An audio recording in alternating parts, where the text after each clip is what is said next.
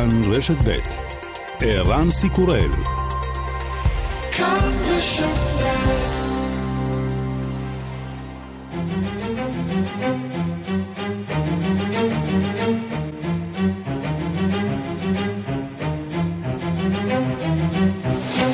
השעה הבינלאומית 11 באוקטובר 2021 והיום בעולם.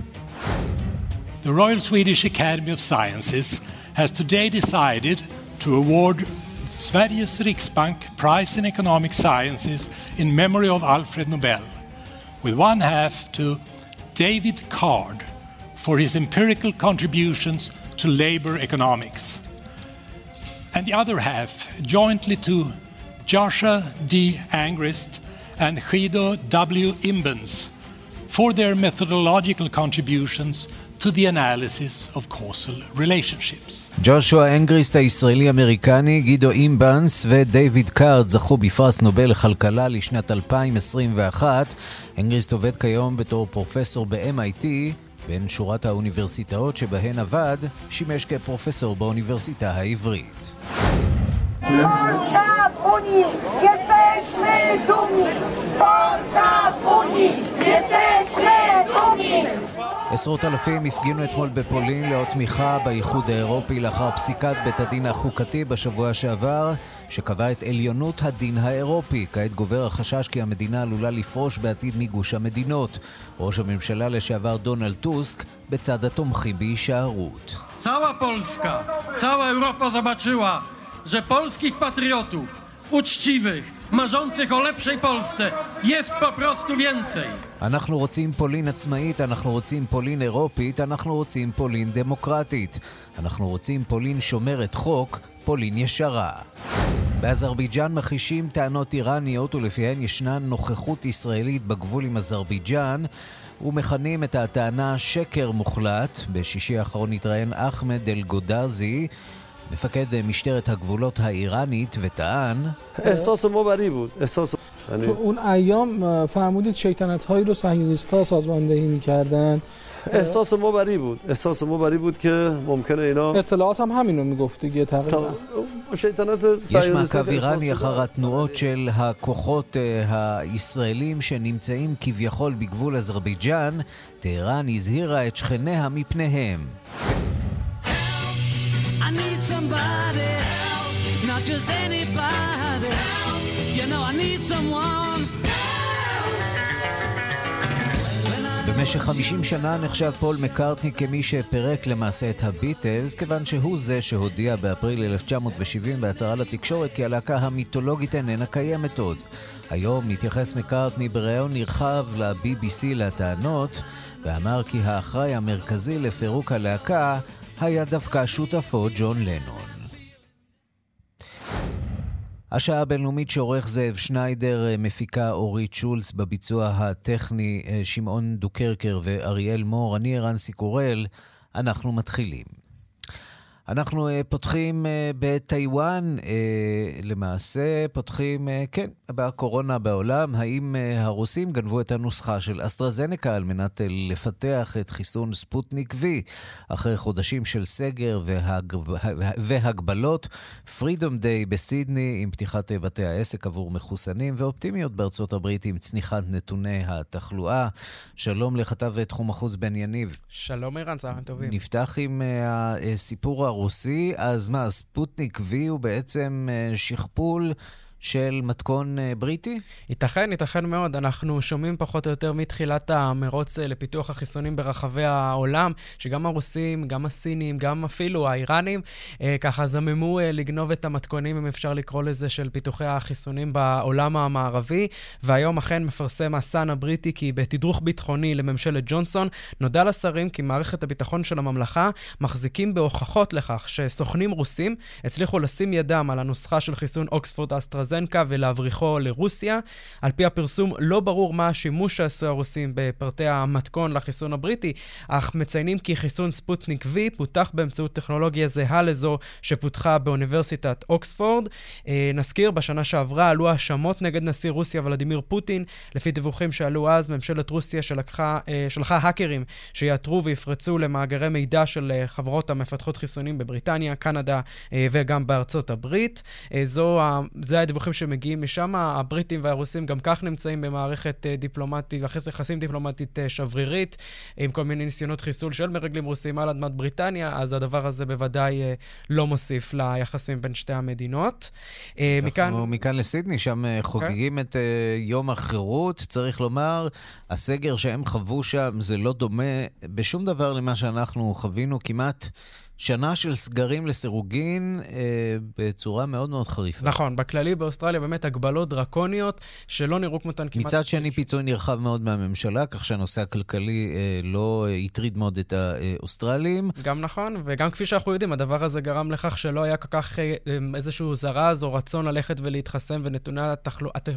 ההתחסנות של האוסטרלים היו די נמוכים לאורך זמן, אבל בסידני מגיעים בשבועות האחרונים לנתוני אה, התחסנות אה, משביעי רצון, אה, ושם באמת בעיר הזאת, האחת הגדולות באוסטרליה, ובמדינת ניו סאוט ווילס שמסביבה, פרידום דיי, עם פתיחת בתי העסק ומקומות העבודה למחוסנים, כך זה נשמע היום בבוקר. After 106 long days, Sydney has emerged from lockdown.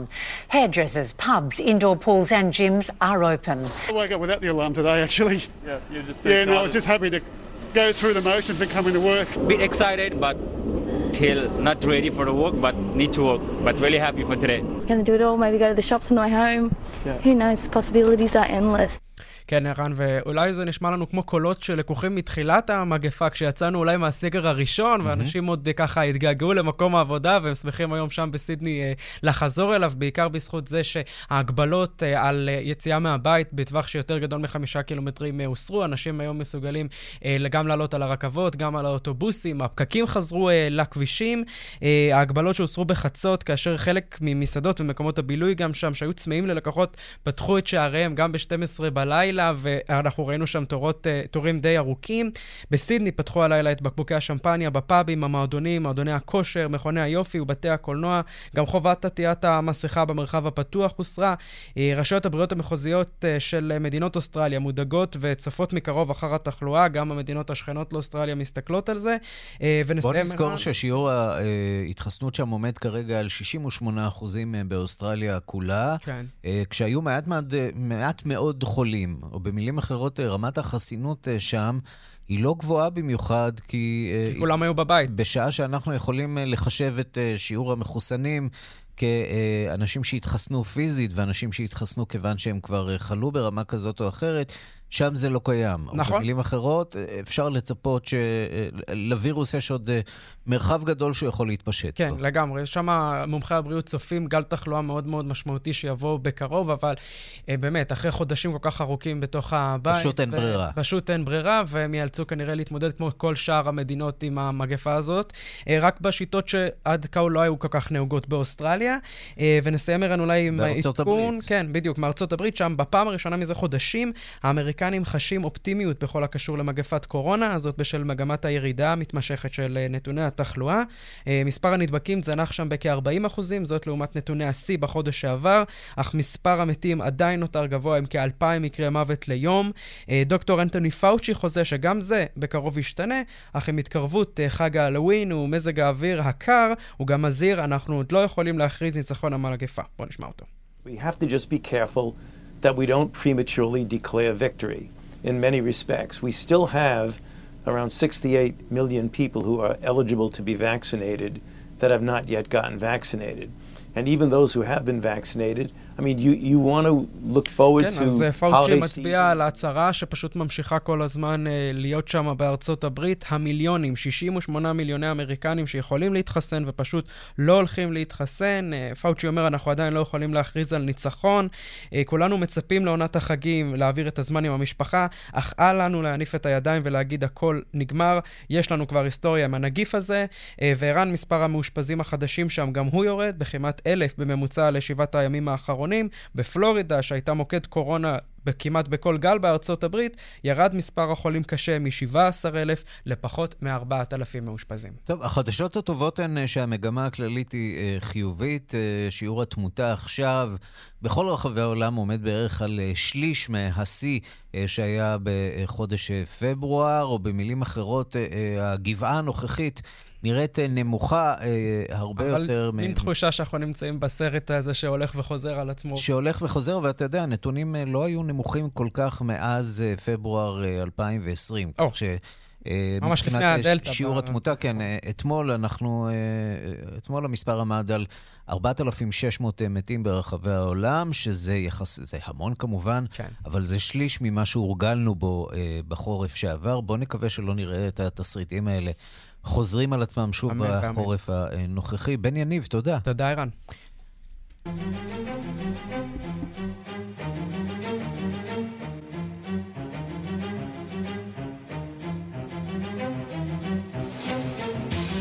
אנחנו למתיחות בין סין לטיוואן. היום תוקפת בייג'ין את אוסטרליה, שהפרה לטענתה את הבסיס ליחסים בין המדינות, זאת בשעה שבטייפה עדיין מזהירים מפני פלישה אפשרית של סין. שלום לכתב תחום החוץ איתמר מאירי.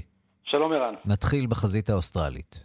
כן, הסינים כועסים, כועסים מאוד על הפרת הבנות עקרון סין האחת. אתה יודע שאין עוד סין מלבד סין. הבסיס לכל היחסים הבינלאומיים הוא הבנה שאין למעשה מדינה בשם טיוואן, ומי שהרגיזה את הסינים מאוסטרליה, ראש ממשלתה לשעבר, טוני אבוט, כבר לא ראש ממשלה נזכיר, ביקר בשבוע שעבר בטיוואן, אמר כמה מילים לא מחמיאות לסין, תוך שהוא דורך על אדמת טיוואן. אתה יודע, בקיצור הרגיז מאוד את, את בייג'ין, והיום הסינים שגם כך נמצאים בעיצומה של מלחמה הסברתית, אפשר לקרוא לזה, משגרים מסר מלא אכזבה וצער על כך שאוסטרליה למעשה מפנה עורף להבנות אה, סין האחת. אה, זה שלא מדובר בפוליטיקאי בכיר מכהן בתפקיד ממשלתי, לא בדיוק מעניין, מעניין את הסינים, הנה דברים שנאמרו אה, בהודעת משרד החוץ הסיני. 澳方个别政客的言论完全是混淆黑白、颠倒是非，极其荒谬。 הדברים שאמר אבוט מבלבלים שחור בלבן ובין אמת לשקר, דברים כאלה מצד פוליטיקאי הן התגרות ומקדמות איום על סין, לא פחות, פוגעים בענייננו הפנימיים, מכפישים אותנו, הוא קורא בסוף לאוסטרלים לנטוש את הלך המחשבה מהמלחמה הקרה כלשונו, אה, לתת כבוד לאמת, לא לנהוג בחוסר אחריות. ממשלה רגישה יש לסין, אנחנו יודעים, בטח בנושא הזה. נזכיר, סין אה, טוענת שטיוואן אה, היא חלק ממנה, ולמעשה רק 14 מדינות בעולם מכירות בטיוואן פחות או יותר. לפני כמה ימים, יום העצמאות של טיוואן, אירוע שמאוד אה, מכאיב לסינים, והם בימים האחרונים מגבירים את הלחץ אה, על טיוואן רטורית וצבאית. מדובר על אה, דיווחים שלפחות שלושה מטוסי קרב סינים חדרו בטעות, או לא בטעות, למרחב האווירי של טיוואן, זה משהו די חריג בכמה ימים. גם דיווחים על היערכות כוחות, פלישה עתידית. הנשיא שי, על כל פנים, הוא הבטיח שיהיה איחוד בדרכי שלום, מה שבטוח הוא שהמשך לסיפור הזה יבוא. אה, ואתה יודע, טוני אבוט אה, הצליח אה, להרגיז רבים גם בריאיון שהוא קיים איתנו כאן בשעה הבינלאומית לפני כשנה וחצי. אז הוא טען שפעילי הסביבה הם כת אקלים, כינה את פעילי הסביבה כת, וכמובן גם תקף את סין. זה עורר אז לא מעט כותרות, כך שטוני אבוט... ידוע אה, בצבעוניות שלו. אה, אז הוא טען שכל עסק סיני הוא אה, סוכן של הממשלה הסינית. הוא, הוא קיווה אז שההבנה מתחילה לחלחל. התבטאויות ככה די, די חריפות שעוררו לא מעט זעם, והוא עושה זאת שוב. איתמר מאירי, תודה. תודה לך, אירן. אנחנו מכאן אה, לאזרבייג'אן. באזרבייג'אן אה, מכחישים טענות אה, איראניות ולפיהן ישנה נוכחות ישראלית בגבול אזרבייג'אן עם איראן.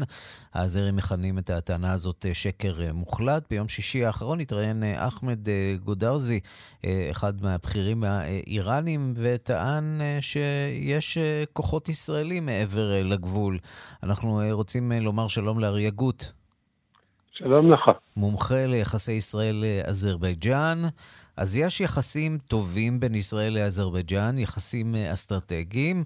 האם אה, על פי אה, אותם מקורות, כפי שאתה שומע באזרבייג'אן, יש גם היבטים צבאיים ישראלים, פעילות ישראלית על הגבול? זה באמת שקר ופרובוקציה של איראן נגד אזרבייג'אן. אני, אתה, אתה יודע שאני תמיד, תמיד נוסע לאזרבייג'אן, תמיד נפגש, ולא ראיתי כוחות הישראליות אה, בגבול עם האיראן. אני הייתי בגבול, הייתי כחבר של אזרבייג'אן, הלכתי לראות מה קורה אחרי הכיבוש הארמני, ומה שהשאלה פה, לא רק שלי וגם של אזרבייג'אן, איפה היו האיראנים בזמן הכיבוש הארמני תוך 28 שנה. עכשיו... אה, זה ברור, הם, הם תמכו במידה רבה בשליטה הארמנית בנגורנו קרבאח. אחרי ניצחון של אזרבייג'אן, הם פתאום מתחילים אימונים צבאיים בגבול עם אזרבייג'אן. ואזרבייג'אן אומר, מה אתם רוצים? תגידו מה אתם רוצים מאזרבייג'אן. כן, אזרבייג'אן יש יחסים מדהימים עם ישראל. אנחנו עובדים גם בכלכלה, גם בצבא וגם בחינוך ובמדיניות חוץ. הכל עובד. אבל אנחנו לא מביאים את הכוחות הישראליות בגבול עם אזרבייג'אן. אתה יודע, אה, לפני... גם נשיא אמר, אם אתם מוציאים אחד, תביאו לי אותו. אתה יודע, לפני אתם... כמה חודשים אנחנו פרסמנו כאן אה, בשעה הבינלאומית אה, הצהרה של שגריר ישראל באזרבייג'אן. הוא הגיע אה, למחוז זנגילן, שהיה אה, עד כה כן, ב- בשליטת, אה, בשליטת הארמנים, רק בואו בוא נסביר למאזינים, ועבר אה, לשליטה, אה, בחזרה לשליטה אה, האזרית, אה, והוא סיפר על אה, כוונה להקים אה, מפעל או מחלבה כן, שם, נכון. שם בגבול. מבחינת נכון. האיראנים, אה, מעשה כזה, הקמה של מפעל ישראלי על הגבול האיראני בזנגילן, הם רואים בזה מעשה של אה, תוקפנות, או מעשה של הקמת אולי מרכז ביון אה, לתפיסתם. אני רוצה להסביר לך, אחרי שמלחמה בקרבאר נגמרה ואזרבייג'אן ניצח, אזרבייג'אן נתן למדינות החברות של אזרבייג'אן להתחיל revival. רקונסטרוקציה של הקרבאח. שיקום בעצם של החבלים ש... שאזרבייג'אן השתלטה עליהם מחדש. מדינות החברות, ביניהם איטליה, ביניהם ישראל, ביניהם טורקיה, ביניהם פקיסטן. זה לא אומר שרק ישראלים שם, אתה מבין? וזה אה, דבר טוב שמה שאני ראיתי, כן, נכון, ג'ורג' דיק היה שם, שגריר ישראל באזרבייג'אן, הוא היה טייל אבל זה לא אומר זה כוחות הישראליות שנמצאות בגבול. אזרבייג'אן גם אומרת שמי שחבר שלנו הוא יהיה חבר, מי שלא היה חבר הוא גם לא יהיה חבר. ועכשיו אני אגיד לך, אני הרבה שנים אה, רואה את אזרבייג'אן כבר מישראל. פעם ראשונה בהיסטוריה הנשיא אזרבייג'אן ככה ברצינות מדבר עם האיראנים. וגם אה, אם ראית את ה... אה, תמונה עם אה, הרופ. זה יותר הרגיז את האיראנים, mm-hmm. אתה מבין? זה יותר הרגיז בגלל שהם יודעים שכל אה, האזור יודע, וגם הארמנים מתרכזים מזה, מאיראנים מתרכזים מזה. עכשיו, אחרי 28 שנים, הבנו שהארמנים ואיראנים עובדים ביחד. או במילים אחרות, אתה אומר, הישראלים אה, צריכים להיות אה, קצת מרוצים מהעימות הזה בין אה, אזרבייג'אן לאיראן. נכון, העובדה נכון. שהזרים מתחילים להבין, או אולי, אולי הבינו עוד קודם, שאין להם על מי לסמוך בצד האיראני, ושצריך להדק את הברית הצבאית כן. המשותפת בין שתי המדינות. עובדה שהשגריר הארמני בטהרן אומר, ישראל היום לא חברה ולא היה חבר, לא היה פרטנר. שיתוף, שותף שלנו. הפרטנר שלנו זה איראן. זה אומר הרבה. תגיד, שנה אחרי המלחמה שם בנגורנו קרבאח, אתה סיירת שם בחודשים האחרונים, מה המצב שם היום? היום הכל נשאר אחרי הוונדליזם הארמני, לא נשאר שום דבר. אתה מגיע, אני מזמין אתכם, אם אתם רוצים לבוא, אני מזמין אתכם גם לבוא לראות באיזה מצב המדינה, אה, כאילו הארמנים, השאירו את המקום. לא נשאר טוב, בוא, בוא נודה על האמת, הייתה שם אה, מלחמה אה, בין הזרים לא, לארמנים, המלחמה גרמה לנזק. בתים, הורסים הכל, אין בית, אין אבן על אבן על המקום הזה. וברוב המקומות בכלל לא היו מלחמה. שם אחרי 9 לנובמבר 2020, ארמניה החזירה פשוט את השטחים. אבל באיזה מצב החזירה? זו שאלה שהיינו אומרים גם לאיראנים. איפה אתם הייתם? עכשיו אתם אה, פתאום מתפוצצים שאתם רואים את הרופ הישראלי. אומר, הרופ ישראלי יש לי מ-2011, mm-hmm. לא מהיום. אתה מבין? במצב של היום, אזרבייג'אן לאט לאט מתחילה לשקם את האזור. ממש בהשקעות מאוד גדולות. אתה יודע, אני הייתי באפריל, אה, באפריל השנה הייתי שם, אה, כבר בספטמבר הם פתחו אה, שדה תעופה חדשה באזור הזה. עכשיו, אנחנו שומעים על לחץ שהם מפעילים האיראנים על רוסיה. כדי שתפעיל את כן. השפעתה על אזרבייג'אן בנוגע כן. לידידות המתעצמת אה, בין אזרבייג'אן אה, לישראל. עד כמה זה הדבר הזה, עד כמה העמדה לא, הרוסית, לא המעורבות הרוסית? למה שרוסים מאוד טוב מבינים שאזרבייג'אן זאת המדינה של דרום הקווקז, שהיא מאוד עצמאית. כן, יש יחסים טובים, brothership אה, עם טורקיה, זה נכון, טורקים עוזרים ותומכים, אבל טורקים לא עזרו במלחמה. טורקים רק הביאו את הביירקטר שאזרבייג'אן קנה בכסף. בלי כסף לא קנו, לא עשו שום דבר שם. תגיד, הזכרת את הטורקים אה, לסיום. אה, יש ניסיונות אה, של הזרם לתווך בין ישראל לטורקיה, ועד כמה הזרם אחראים לצרות כן, היחסית אנחנו... פייסניות של ארדואן בחודשים האחרונים, שאומנם לא הניבו שום דבר מעל פני השטח, אבל אולי, מתחת לפני השטח. אני הייתי, היה לי שיחה עם העוזר הנשיא של אזרבייג'אן לפני, באפריל, שישבנו ושאלתי אותו, מה אתה חושב? אז הוא אומר, תראה, אם טורקים וישראלים ירצו שאזרבייג'אן תהיה מתווך אזרבייג'אן, באקו מוכן להיות את המתווך בין טורקיה וישראל. בגלל שטורקיה זה מדינה קרובה, ישראל זה שותפה אסטרטגית של אזרבייג'אן. טוב, אז מי יודע? אולי, אולי זה עוד יקרה יום אחד. אריה גוט, אה, מומחה ליחסי ישראל-אזרבייג'אן, תודה רבה לך. תודה רבה לך. השעה הבינלאומית, אנחנו לפולין עכשיו, אה, אחרי הברקסיט, האם גם הפולקסיט בדרך? הפגנות אה, ענק התקיימו אתמול ברחבי המדינה, לאחר שחלק מהאזרחים חוששים שהממשלה הפולנית מתכוונת לפרוש מן האיחוד האירופי. מה גרם לחשש הזה וכיצד מגיבים לכך באיחוד האירופי? דיווחו של כתבנו בפולין, ניסן צור. עשרות אלפים מתושבי פולין התאספו אתמול בכל הערים הגדולות במדינה כדי להפגין נגד מה שהם מכנים הכוונה של ממשלת פולין לפרוש מהאיחוד האירופי. החשש של אזרחי פולין הגיע לאחר פסיקה של בית המשפט הפולני לחוקה ביום חמישי האחרון שקבעה כי חלקים בחוקת האיחוד האירופי אינם עולים בקנה אחד עם החוקה הפולנית וכי במקרים של התנגשות החוקה הפולנית גוברת על חוקת האיחוד האירופי. הפסיקה והתגובות באיחוד האירופי עוררו חשש בקרב רבים מאזרחי פולין כי הממשלה המקומית תחליט לעזוב את האיחוד לאחר שבחודשים האחרונים כבר נשמעו קולות רבים בממשלה הפולנית שצידדו במהלך הזה. מאה אלף בני אדם התאספו בעיר הבירה ורשה בלבד, בעוד עשרות אלפים התגודדו במאה ערים ועיירות ברחבי פולין והפגינו נגד ממשלת פולין. רוברט גלמבה, אחד המפגינים בוורשה אתמול. To jest ciche wyprowadzenie Polski z Unii Europejskiej. 17 lat temu my, jako społeczeństwo, powiedzieliśmy w referendum, że jesteśmy za tym, żeby być w Unii.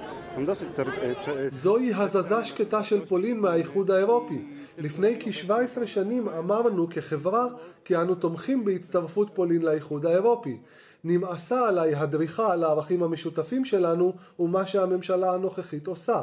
זהו הסמל שלי, דגל האיחוד האירופי, שמראה כי אני אירופי. אני גם פולני, אבל בעיקר אירופי. יוליה פשילבסקה, נשיאת בית המשפט לחוקה בפולין, הסבירה את הפסיקה השנויה במחלוקת, ולפיה החוקה הפולנית גוברת על חוקת האיחוד האירופי. היא טענה כי ראשי האיחוד האירופי חורגים מסמכותם בכך שהם מנסים לכפות על פולין את חוקת האיחוד. Organy Unii Europejskiej działają poza granicami kompetencji przekazanych przez Rzeczpospolitą Polską w traktatach. Konstytucja nie jest najwyższym prawem Rzeczypospolitej Polskiej. גופי האיחוד האירופי פועלים מחוץ לגבולות הכוח שאישרה הרפובליקה הפולנית בהסכמים עם האיחוד האירופי. החוקה היא כעת לא החוק הגבוה ביותר ברפובליקה של פולין ואינה זוכה לעדיפות. הרפובליקה של פולין אינה יכולה לתפקד כמדינה ריבונית ודמוקרטית. אמנת האיחוד האירופי אינה עולה בקנה אחד עם סעיפים שונים בחוקה הפולנית. ראש ממשלת פולין, מתאוש מורבייצקי, צייץ בחשבון הטוויטר שלו אתמול בערב לאחר הפגנות הענק בפולין, כי השמועה שפולין תעזוב את האיחוד האירופי היא מיתוס שהפיצה האופוזיציה. למרות זאת, באיחוד האירופי מודאגים מאוד מהאפשרות הזו, ודידיה ריינדרס, נציב האיחוד האירופי למשפט, הדגיש שוב כי באיחוד לא מתכוונים להתקפל בפני פסיקת בית המשפט הפולני לחוקה.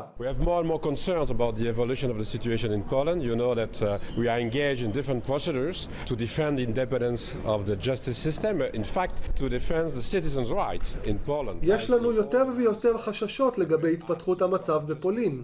אתם יודעים שאנחנו עוסקים בהליכים שונים להגנה על עצמאות מערכת המשפט. למעשה מטרתנו היא להגן על זכויות האזרח בפולין כמו בכל המדינות החברות. ביקשנו כעת מבית המשפט של האיחוד האירופי להטיל סנקציות כספיות על פולין כדי לעמוד בהחלטה הקודמת על עצמאות מערכת המשפט. עכשיו מובן שיש לנו את אותו סוג של התפתחות ואני רוצה לומר שאנו קודם כל מאשרים מחדש את עקרונות האיחוד האירופי. האיחוד מבוסס על עדיפותה של חוקת האיחוד האירופי על פני החוקים הלאומיים. ניסן צור, פולין. שלום לפרופסור שרון פרדו. שלום לך ערן. ראש מרכז סימון וייל למחקר וללימודי אירופה בת זמננו באוניברסיטת אה, בן גוריון שבנגב, נשיא העמותה הישראלית ללימודים אה, בינלאומיים. בואו נדבר תחילה על אה, פולין ועל הטלטלות שהיא עוברת. די נקרעת בין לאומנים פולנים למי שרואים את פולין כחלק מהאיחוד האירופי, למעשה כחלק מאירופה. דבר לא חדש לצערנו במקרה הפולני, ראינו את זה לאורך אה, השנים, ודאי מאז אה, אה, חזרתה לערש הדמוקרטיה. אני רק רוצה לומר משהו לגבי, בהמשך לדברים של נוסל, זה לא פעם ראשונה שאנחנו רואים את מערכת בתי המשפט הלאומית של המדינות החברות באיחוד האירופי אה, מתנגשות עם אה, משפט האיחוד האירופי. עקרון היסוד הוא עקרון עליונות משפט האיחוד האירופי, שבאותם תחומים שהמדינות העבירו ריבונות אל המערכת האירופית, הרי שמשפט האיחוד האירופי עליון. ראינו את ההתנגשות הזאת שנים רבות אה, במקרה הגרמני. בית המשפט הפדרלי הגרמני נאנק קשות עם הרעיון הזה, בית המשפט הבריטי בעבר נהנה קשות. הדברים האלה הגיעו לידי פתרון, אה, ואני מניח שכמובן רוח הממשלה נושבת מהחלטתו של בית המשפט הפולני, אבל אני רוצה שנזכור שאלה הם חוויות שהאיחוד האירופי כבר חווה. אז מה קרה כאן בעצם? פולין הרי חברה באיחוד האירופי מאז אה, שנת 2004 כמדומני.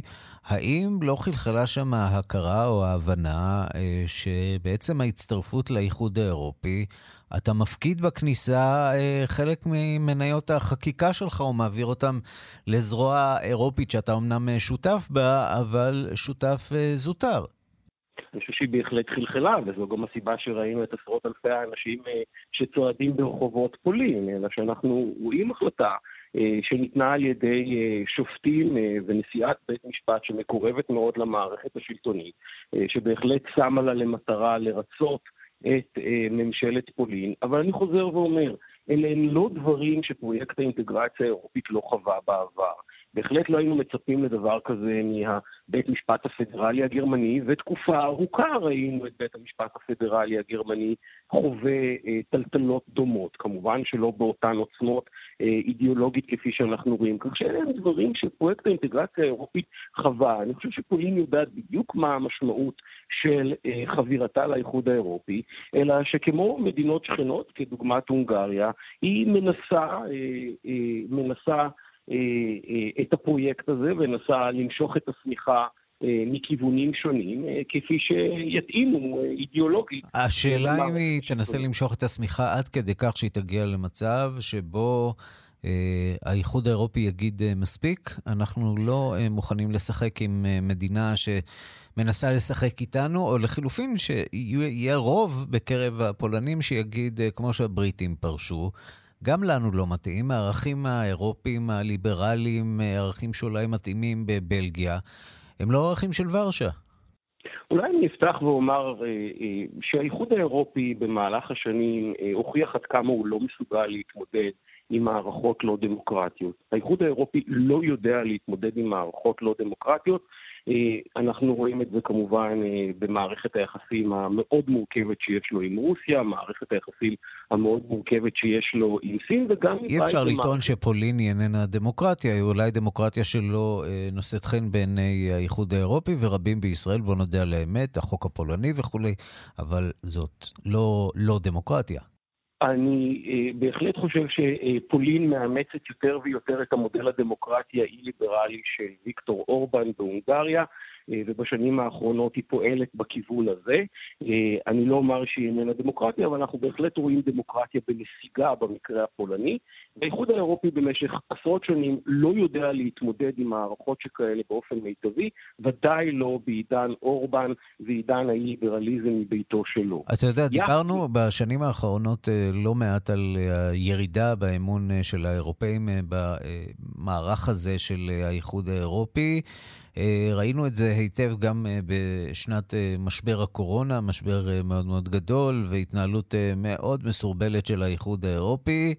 מצד שני, האירופים מחוסנים, ובמידה רבה מחוסנים, ובמידה רבה המדינות במזרח אירופה מחוסנות בזכות האיחוד האירופי. איפה בנקודת הזמן הזאת נמצאים האירופים מול האיחוד האירופי? עד כמה הם מבינים אוהבים אותו מצד אחד, או אולי לא אוהבים אותו, מכירים בחשיבותו, מבינים שאין בלתו כרגע בחייהם. רמת האכזבה מהאיחוד האירופי ומוסדותיו במהלך משבר הקורונה הייתה ועדיין אה, היא עצומה. חוסר היכולת אה, והכאוס המוחלט בכל פרויקט רכישת החיסונים, לאומנות החיסונים שמדינות אירופה היו עדים לה. אבל צריך לומר שבסופו של יום מרבית אזרחי האיחוד האירופי בהחלט רואים את היתרונות שקיימים אה, בחברות באיחוד האירופי, וזוהי גם הסיבה שאני לא צופה באופן אישי שאנחנו נראה איזושהי פרישה אפשרית של פולין מהאיחוד האירופי. אחת המדינות שאולי היינו מדמיינים לעצמנו שתפרוש ראשונה היא מדינה כמו הונגריה, והנה גם הונגריה תחת אורבן איננה פורשת. אה, מרבית אזרחי האיחוד האירופי, גם אם הם אינם אוהבים את מוסדות האיחוד האירופי, את הבירוקרטיה שמגיעה מבריסל, בהחלט, בהחלט מעריכים את הפרויקט הזה ואת החשיבות שלו בחיי היומיום שלהם ובכיס שלהם. ולכן אני חושב שגם אם אנחנו רואים איזושהי עוינות לפרויקט האינטגרציה האירופית, עדיין היא בעיקר ביקורת אה, ביקורת נוקשה ולא בהכרח עוינות. כאן נשאלת גם שאלה נוספת לגבי הכוחות הפופוליסטיים האנטי-אירופיים שאנחנו אה, רואים אותם בימים האחרונים. כן, ובהקשר הזה אפשר אה, באמת לדבר גם על אה, צ'כיה, שבה אה, עלו אה, הכוחות אה, משמאל, אה, גרמניה, שבה יש איזה סוג של מאזן כוחות עם נטייה מסוימת אל הסוציאל-דמוקרטים, לא ברור עדיין איזו ממשלה תקום שם, אה, וגם אה, ויקטור אורבן אה, בהונגריה אולי אולי אה, בצרות לקראת הבחירות שצפויות שם אה, בשנה הבאה. אה, לא כל כך ברור עד כמה הימין מצליח להחזיק מעמד שם באירופה. אז צריך אולי לחדד, ואנחנו מדברים על ימין מרכז ועל הימין הפופוליסטי הקיצוני האנטי-אירופי. הזכרת קודם לכן את צ'כיה, כאן צריך לזכור שבצ'כיה זכתה מפלגת הימין הפופוליסטית הקיצונית בעשרה אחוז, כך שאני בהחלט לא רואה כאן נסיגה משמעותית. הקונסטלציה הפוליטית שנוצרה היא כזאת שבהחלט אנחנו עתידים כנראה לראות ממשלה שתקום אה, ללא בביץ' אה, אה, עצמו, אלא על ידי שותפיו. איזשהו מודל קואליציוני מימין. ימים יגידו, אה, אנחנו עוד נעסוק בסיפור הזה די בהרחבה, אני מניח, בעתיד הנראה לעין. פרופסור שרון פרדו, ראש מרכז סימון ואל למחקר וללימודי אירופה בת זמננו באוניברסיטת בן גוריון שבנגב, נשיא העמותה הישראלית ללימודים בינלאומיים. תודה רבה לך על הדברים. ברור תודות, ערן.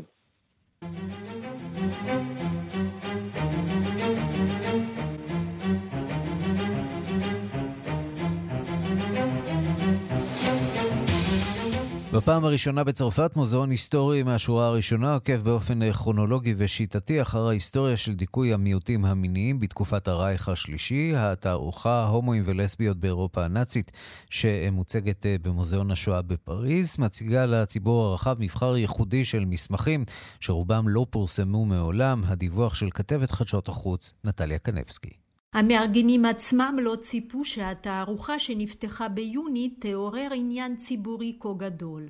בסוף ספטמבר נוסף לתערוכה גם עולם מולטימדיה.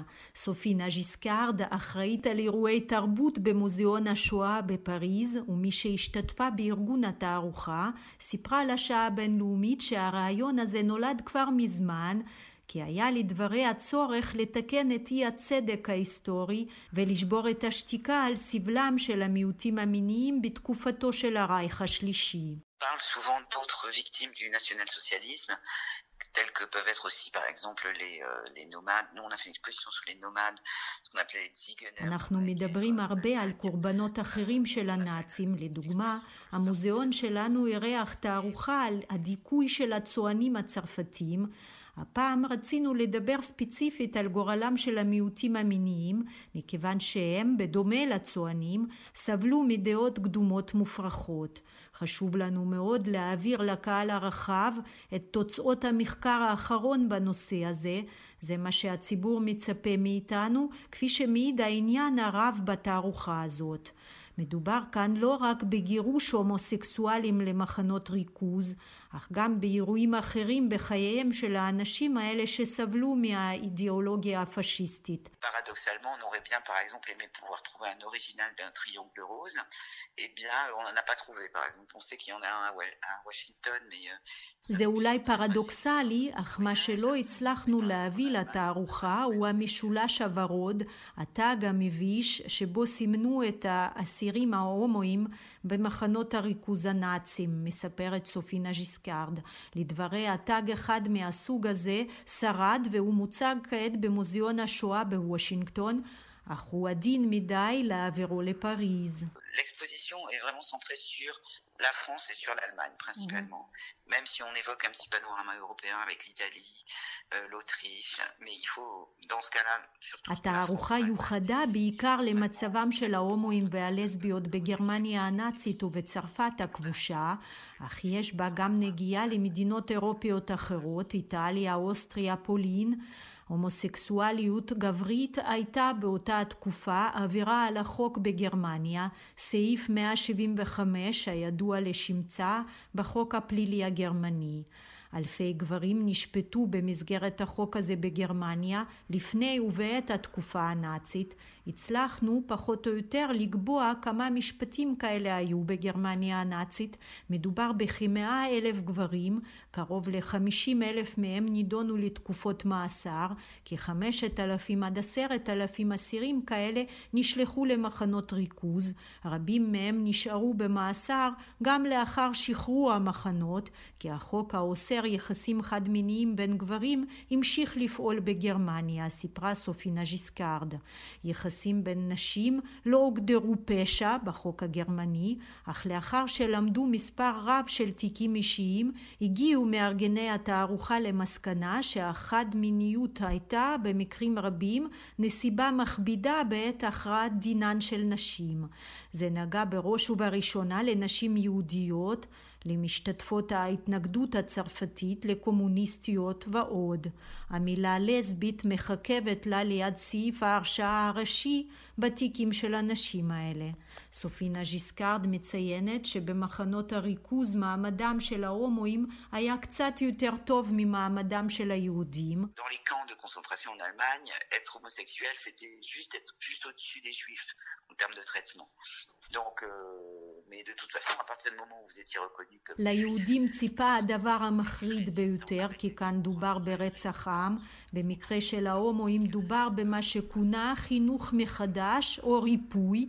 המסמכים מעידים על דברים נוראים כמו ניסויים רפואיים למיניהם וסירוס מרצון, אם כי הכל מבינים שמדובר בסירוס בכוח. לגברים האלה לא השאירו ברירה, רבים מהם מתו בעת הניתוחים האלה או אחריהם בגלל תנאים סניטריים מחפירים במחנות, מספרת מארגנת התערוכה. לדבריה יש גם כמה לא ישירות לכך שאת הלסביות הכריחו לעסוק בזנות במחנות הריכוז.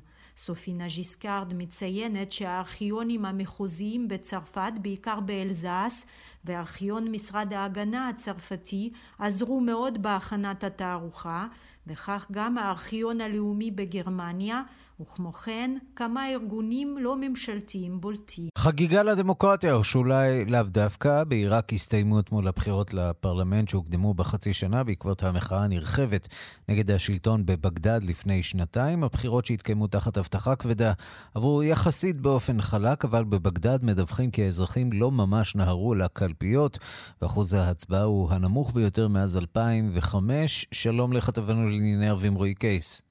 שלום ערן. אתמול היה מי שחגג את ההליך הזה בזיקוקים, אבל לא נראה שהרבה הולך להשתנות שם, נכון? נכון, אה, נכון, אתה צודק לחלוטין, לא נראה שהרבה הולך להשתנות, אבל למרות זאת, אתה יודע, עצם העובדה שזה עבר יחסית חלק, כמו שציינת כבר, מבחינתם, אה, מבחינתם של אנשים בעיראק זה סוג של סיבה למסיבה. בוא נשמע קודם כל את החגיגות של סיום הליך הבחירות בכיכר תחריר בבגדד אתמול, זיקוקי דינור בשמי בגדד, הנה.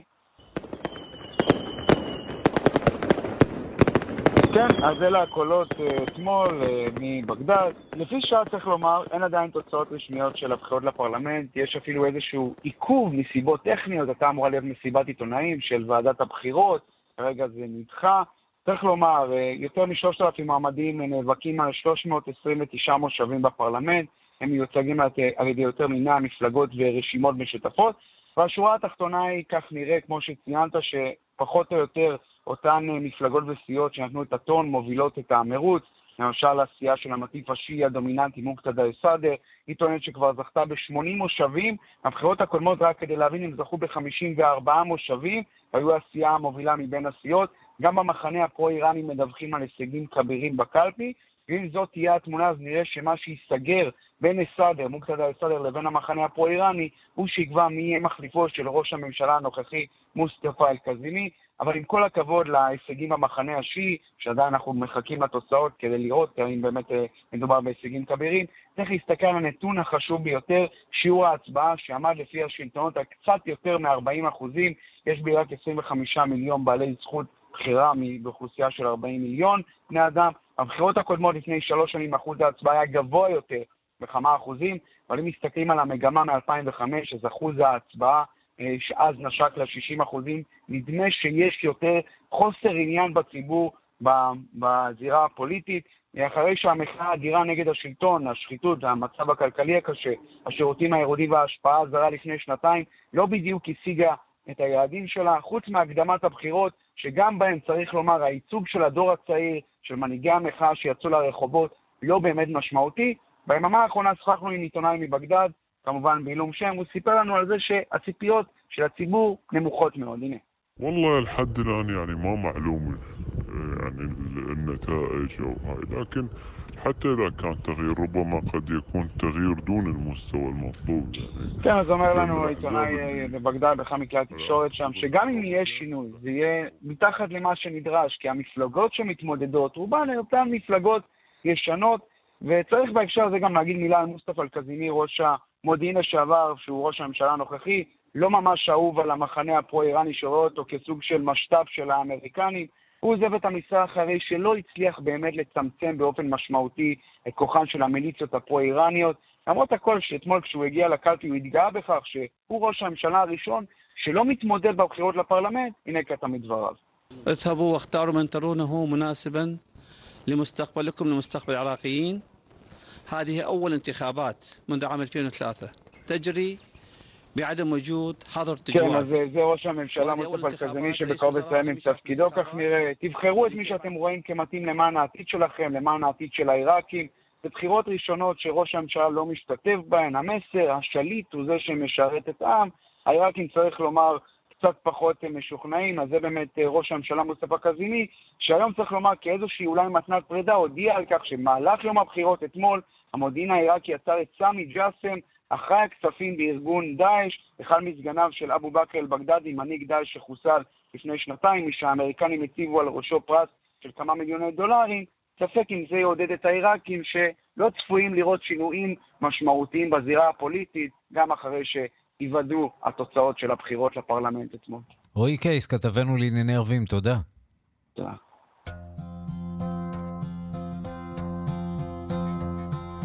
Yesterday, all my troubles seem so far away. במשך 50 שנה נחשב פול מקארטני כמי שפירק למעשה את הביטלס, כיוון שהוא זה שהודיע באפריל 1970 בהצהרה לתקשורת שהלהקה המיתולוגית איננה קיימת עוד. היום מקארטני בריאיון נרחב ל-BBC התייחס לטענות הללו ואמר כי האחראי המרכזי לפירוק הלהקה היה דווקא שותפו ג'ון לנון. לך תוכיח את ג'ון לנון, כבר אי אפשר לשאול אה, מאז אה, שנות ה-80. אז Yesterday, הביטלס. I'm not half the man I used to be. There's a shadow hanging over me. Oh, yesterday came suddenly. Why she had to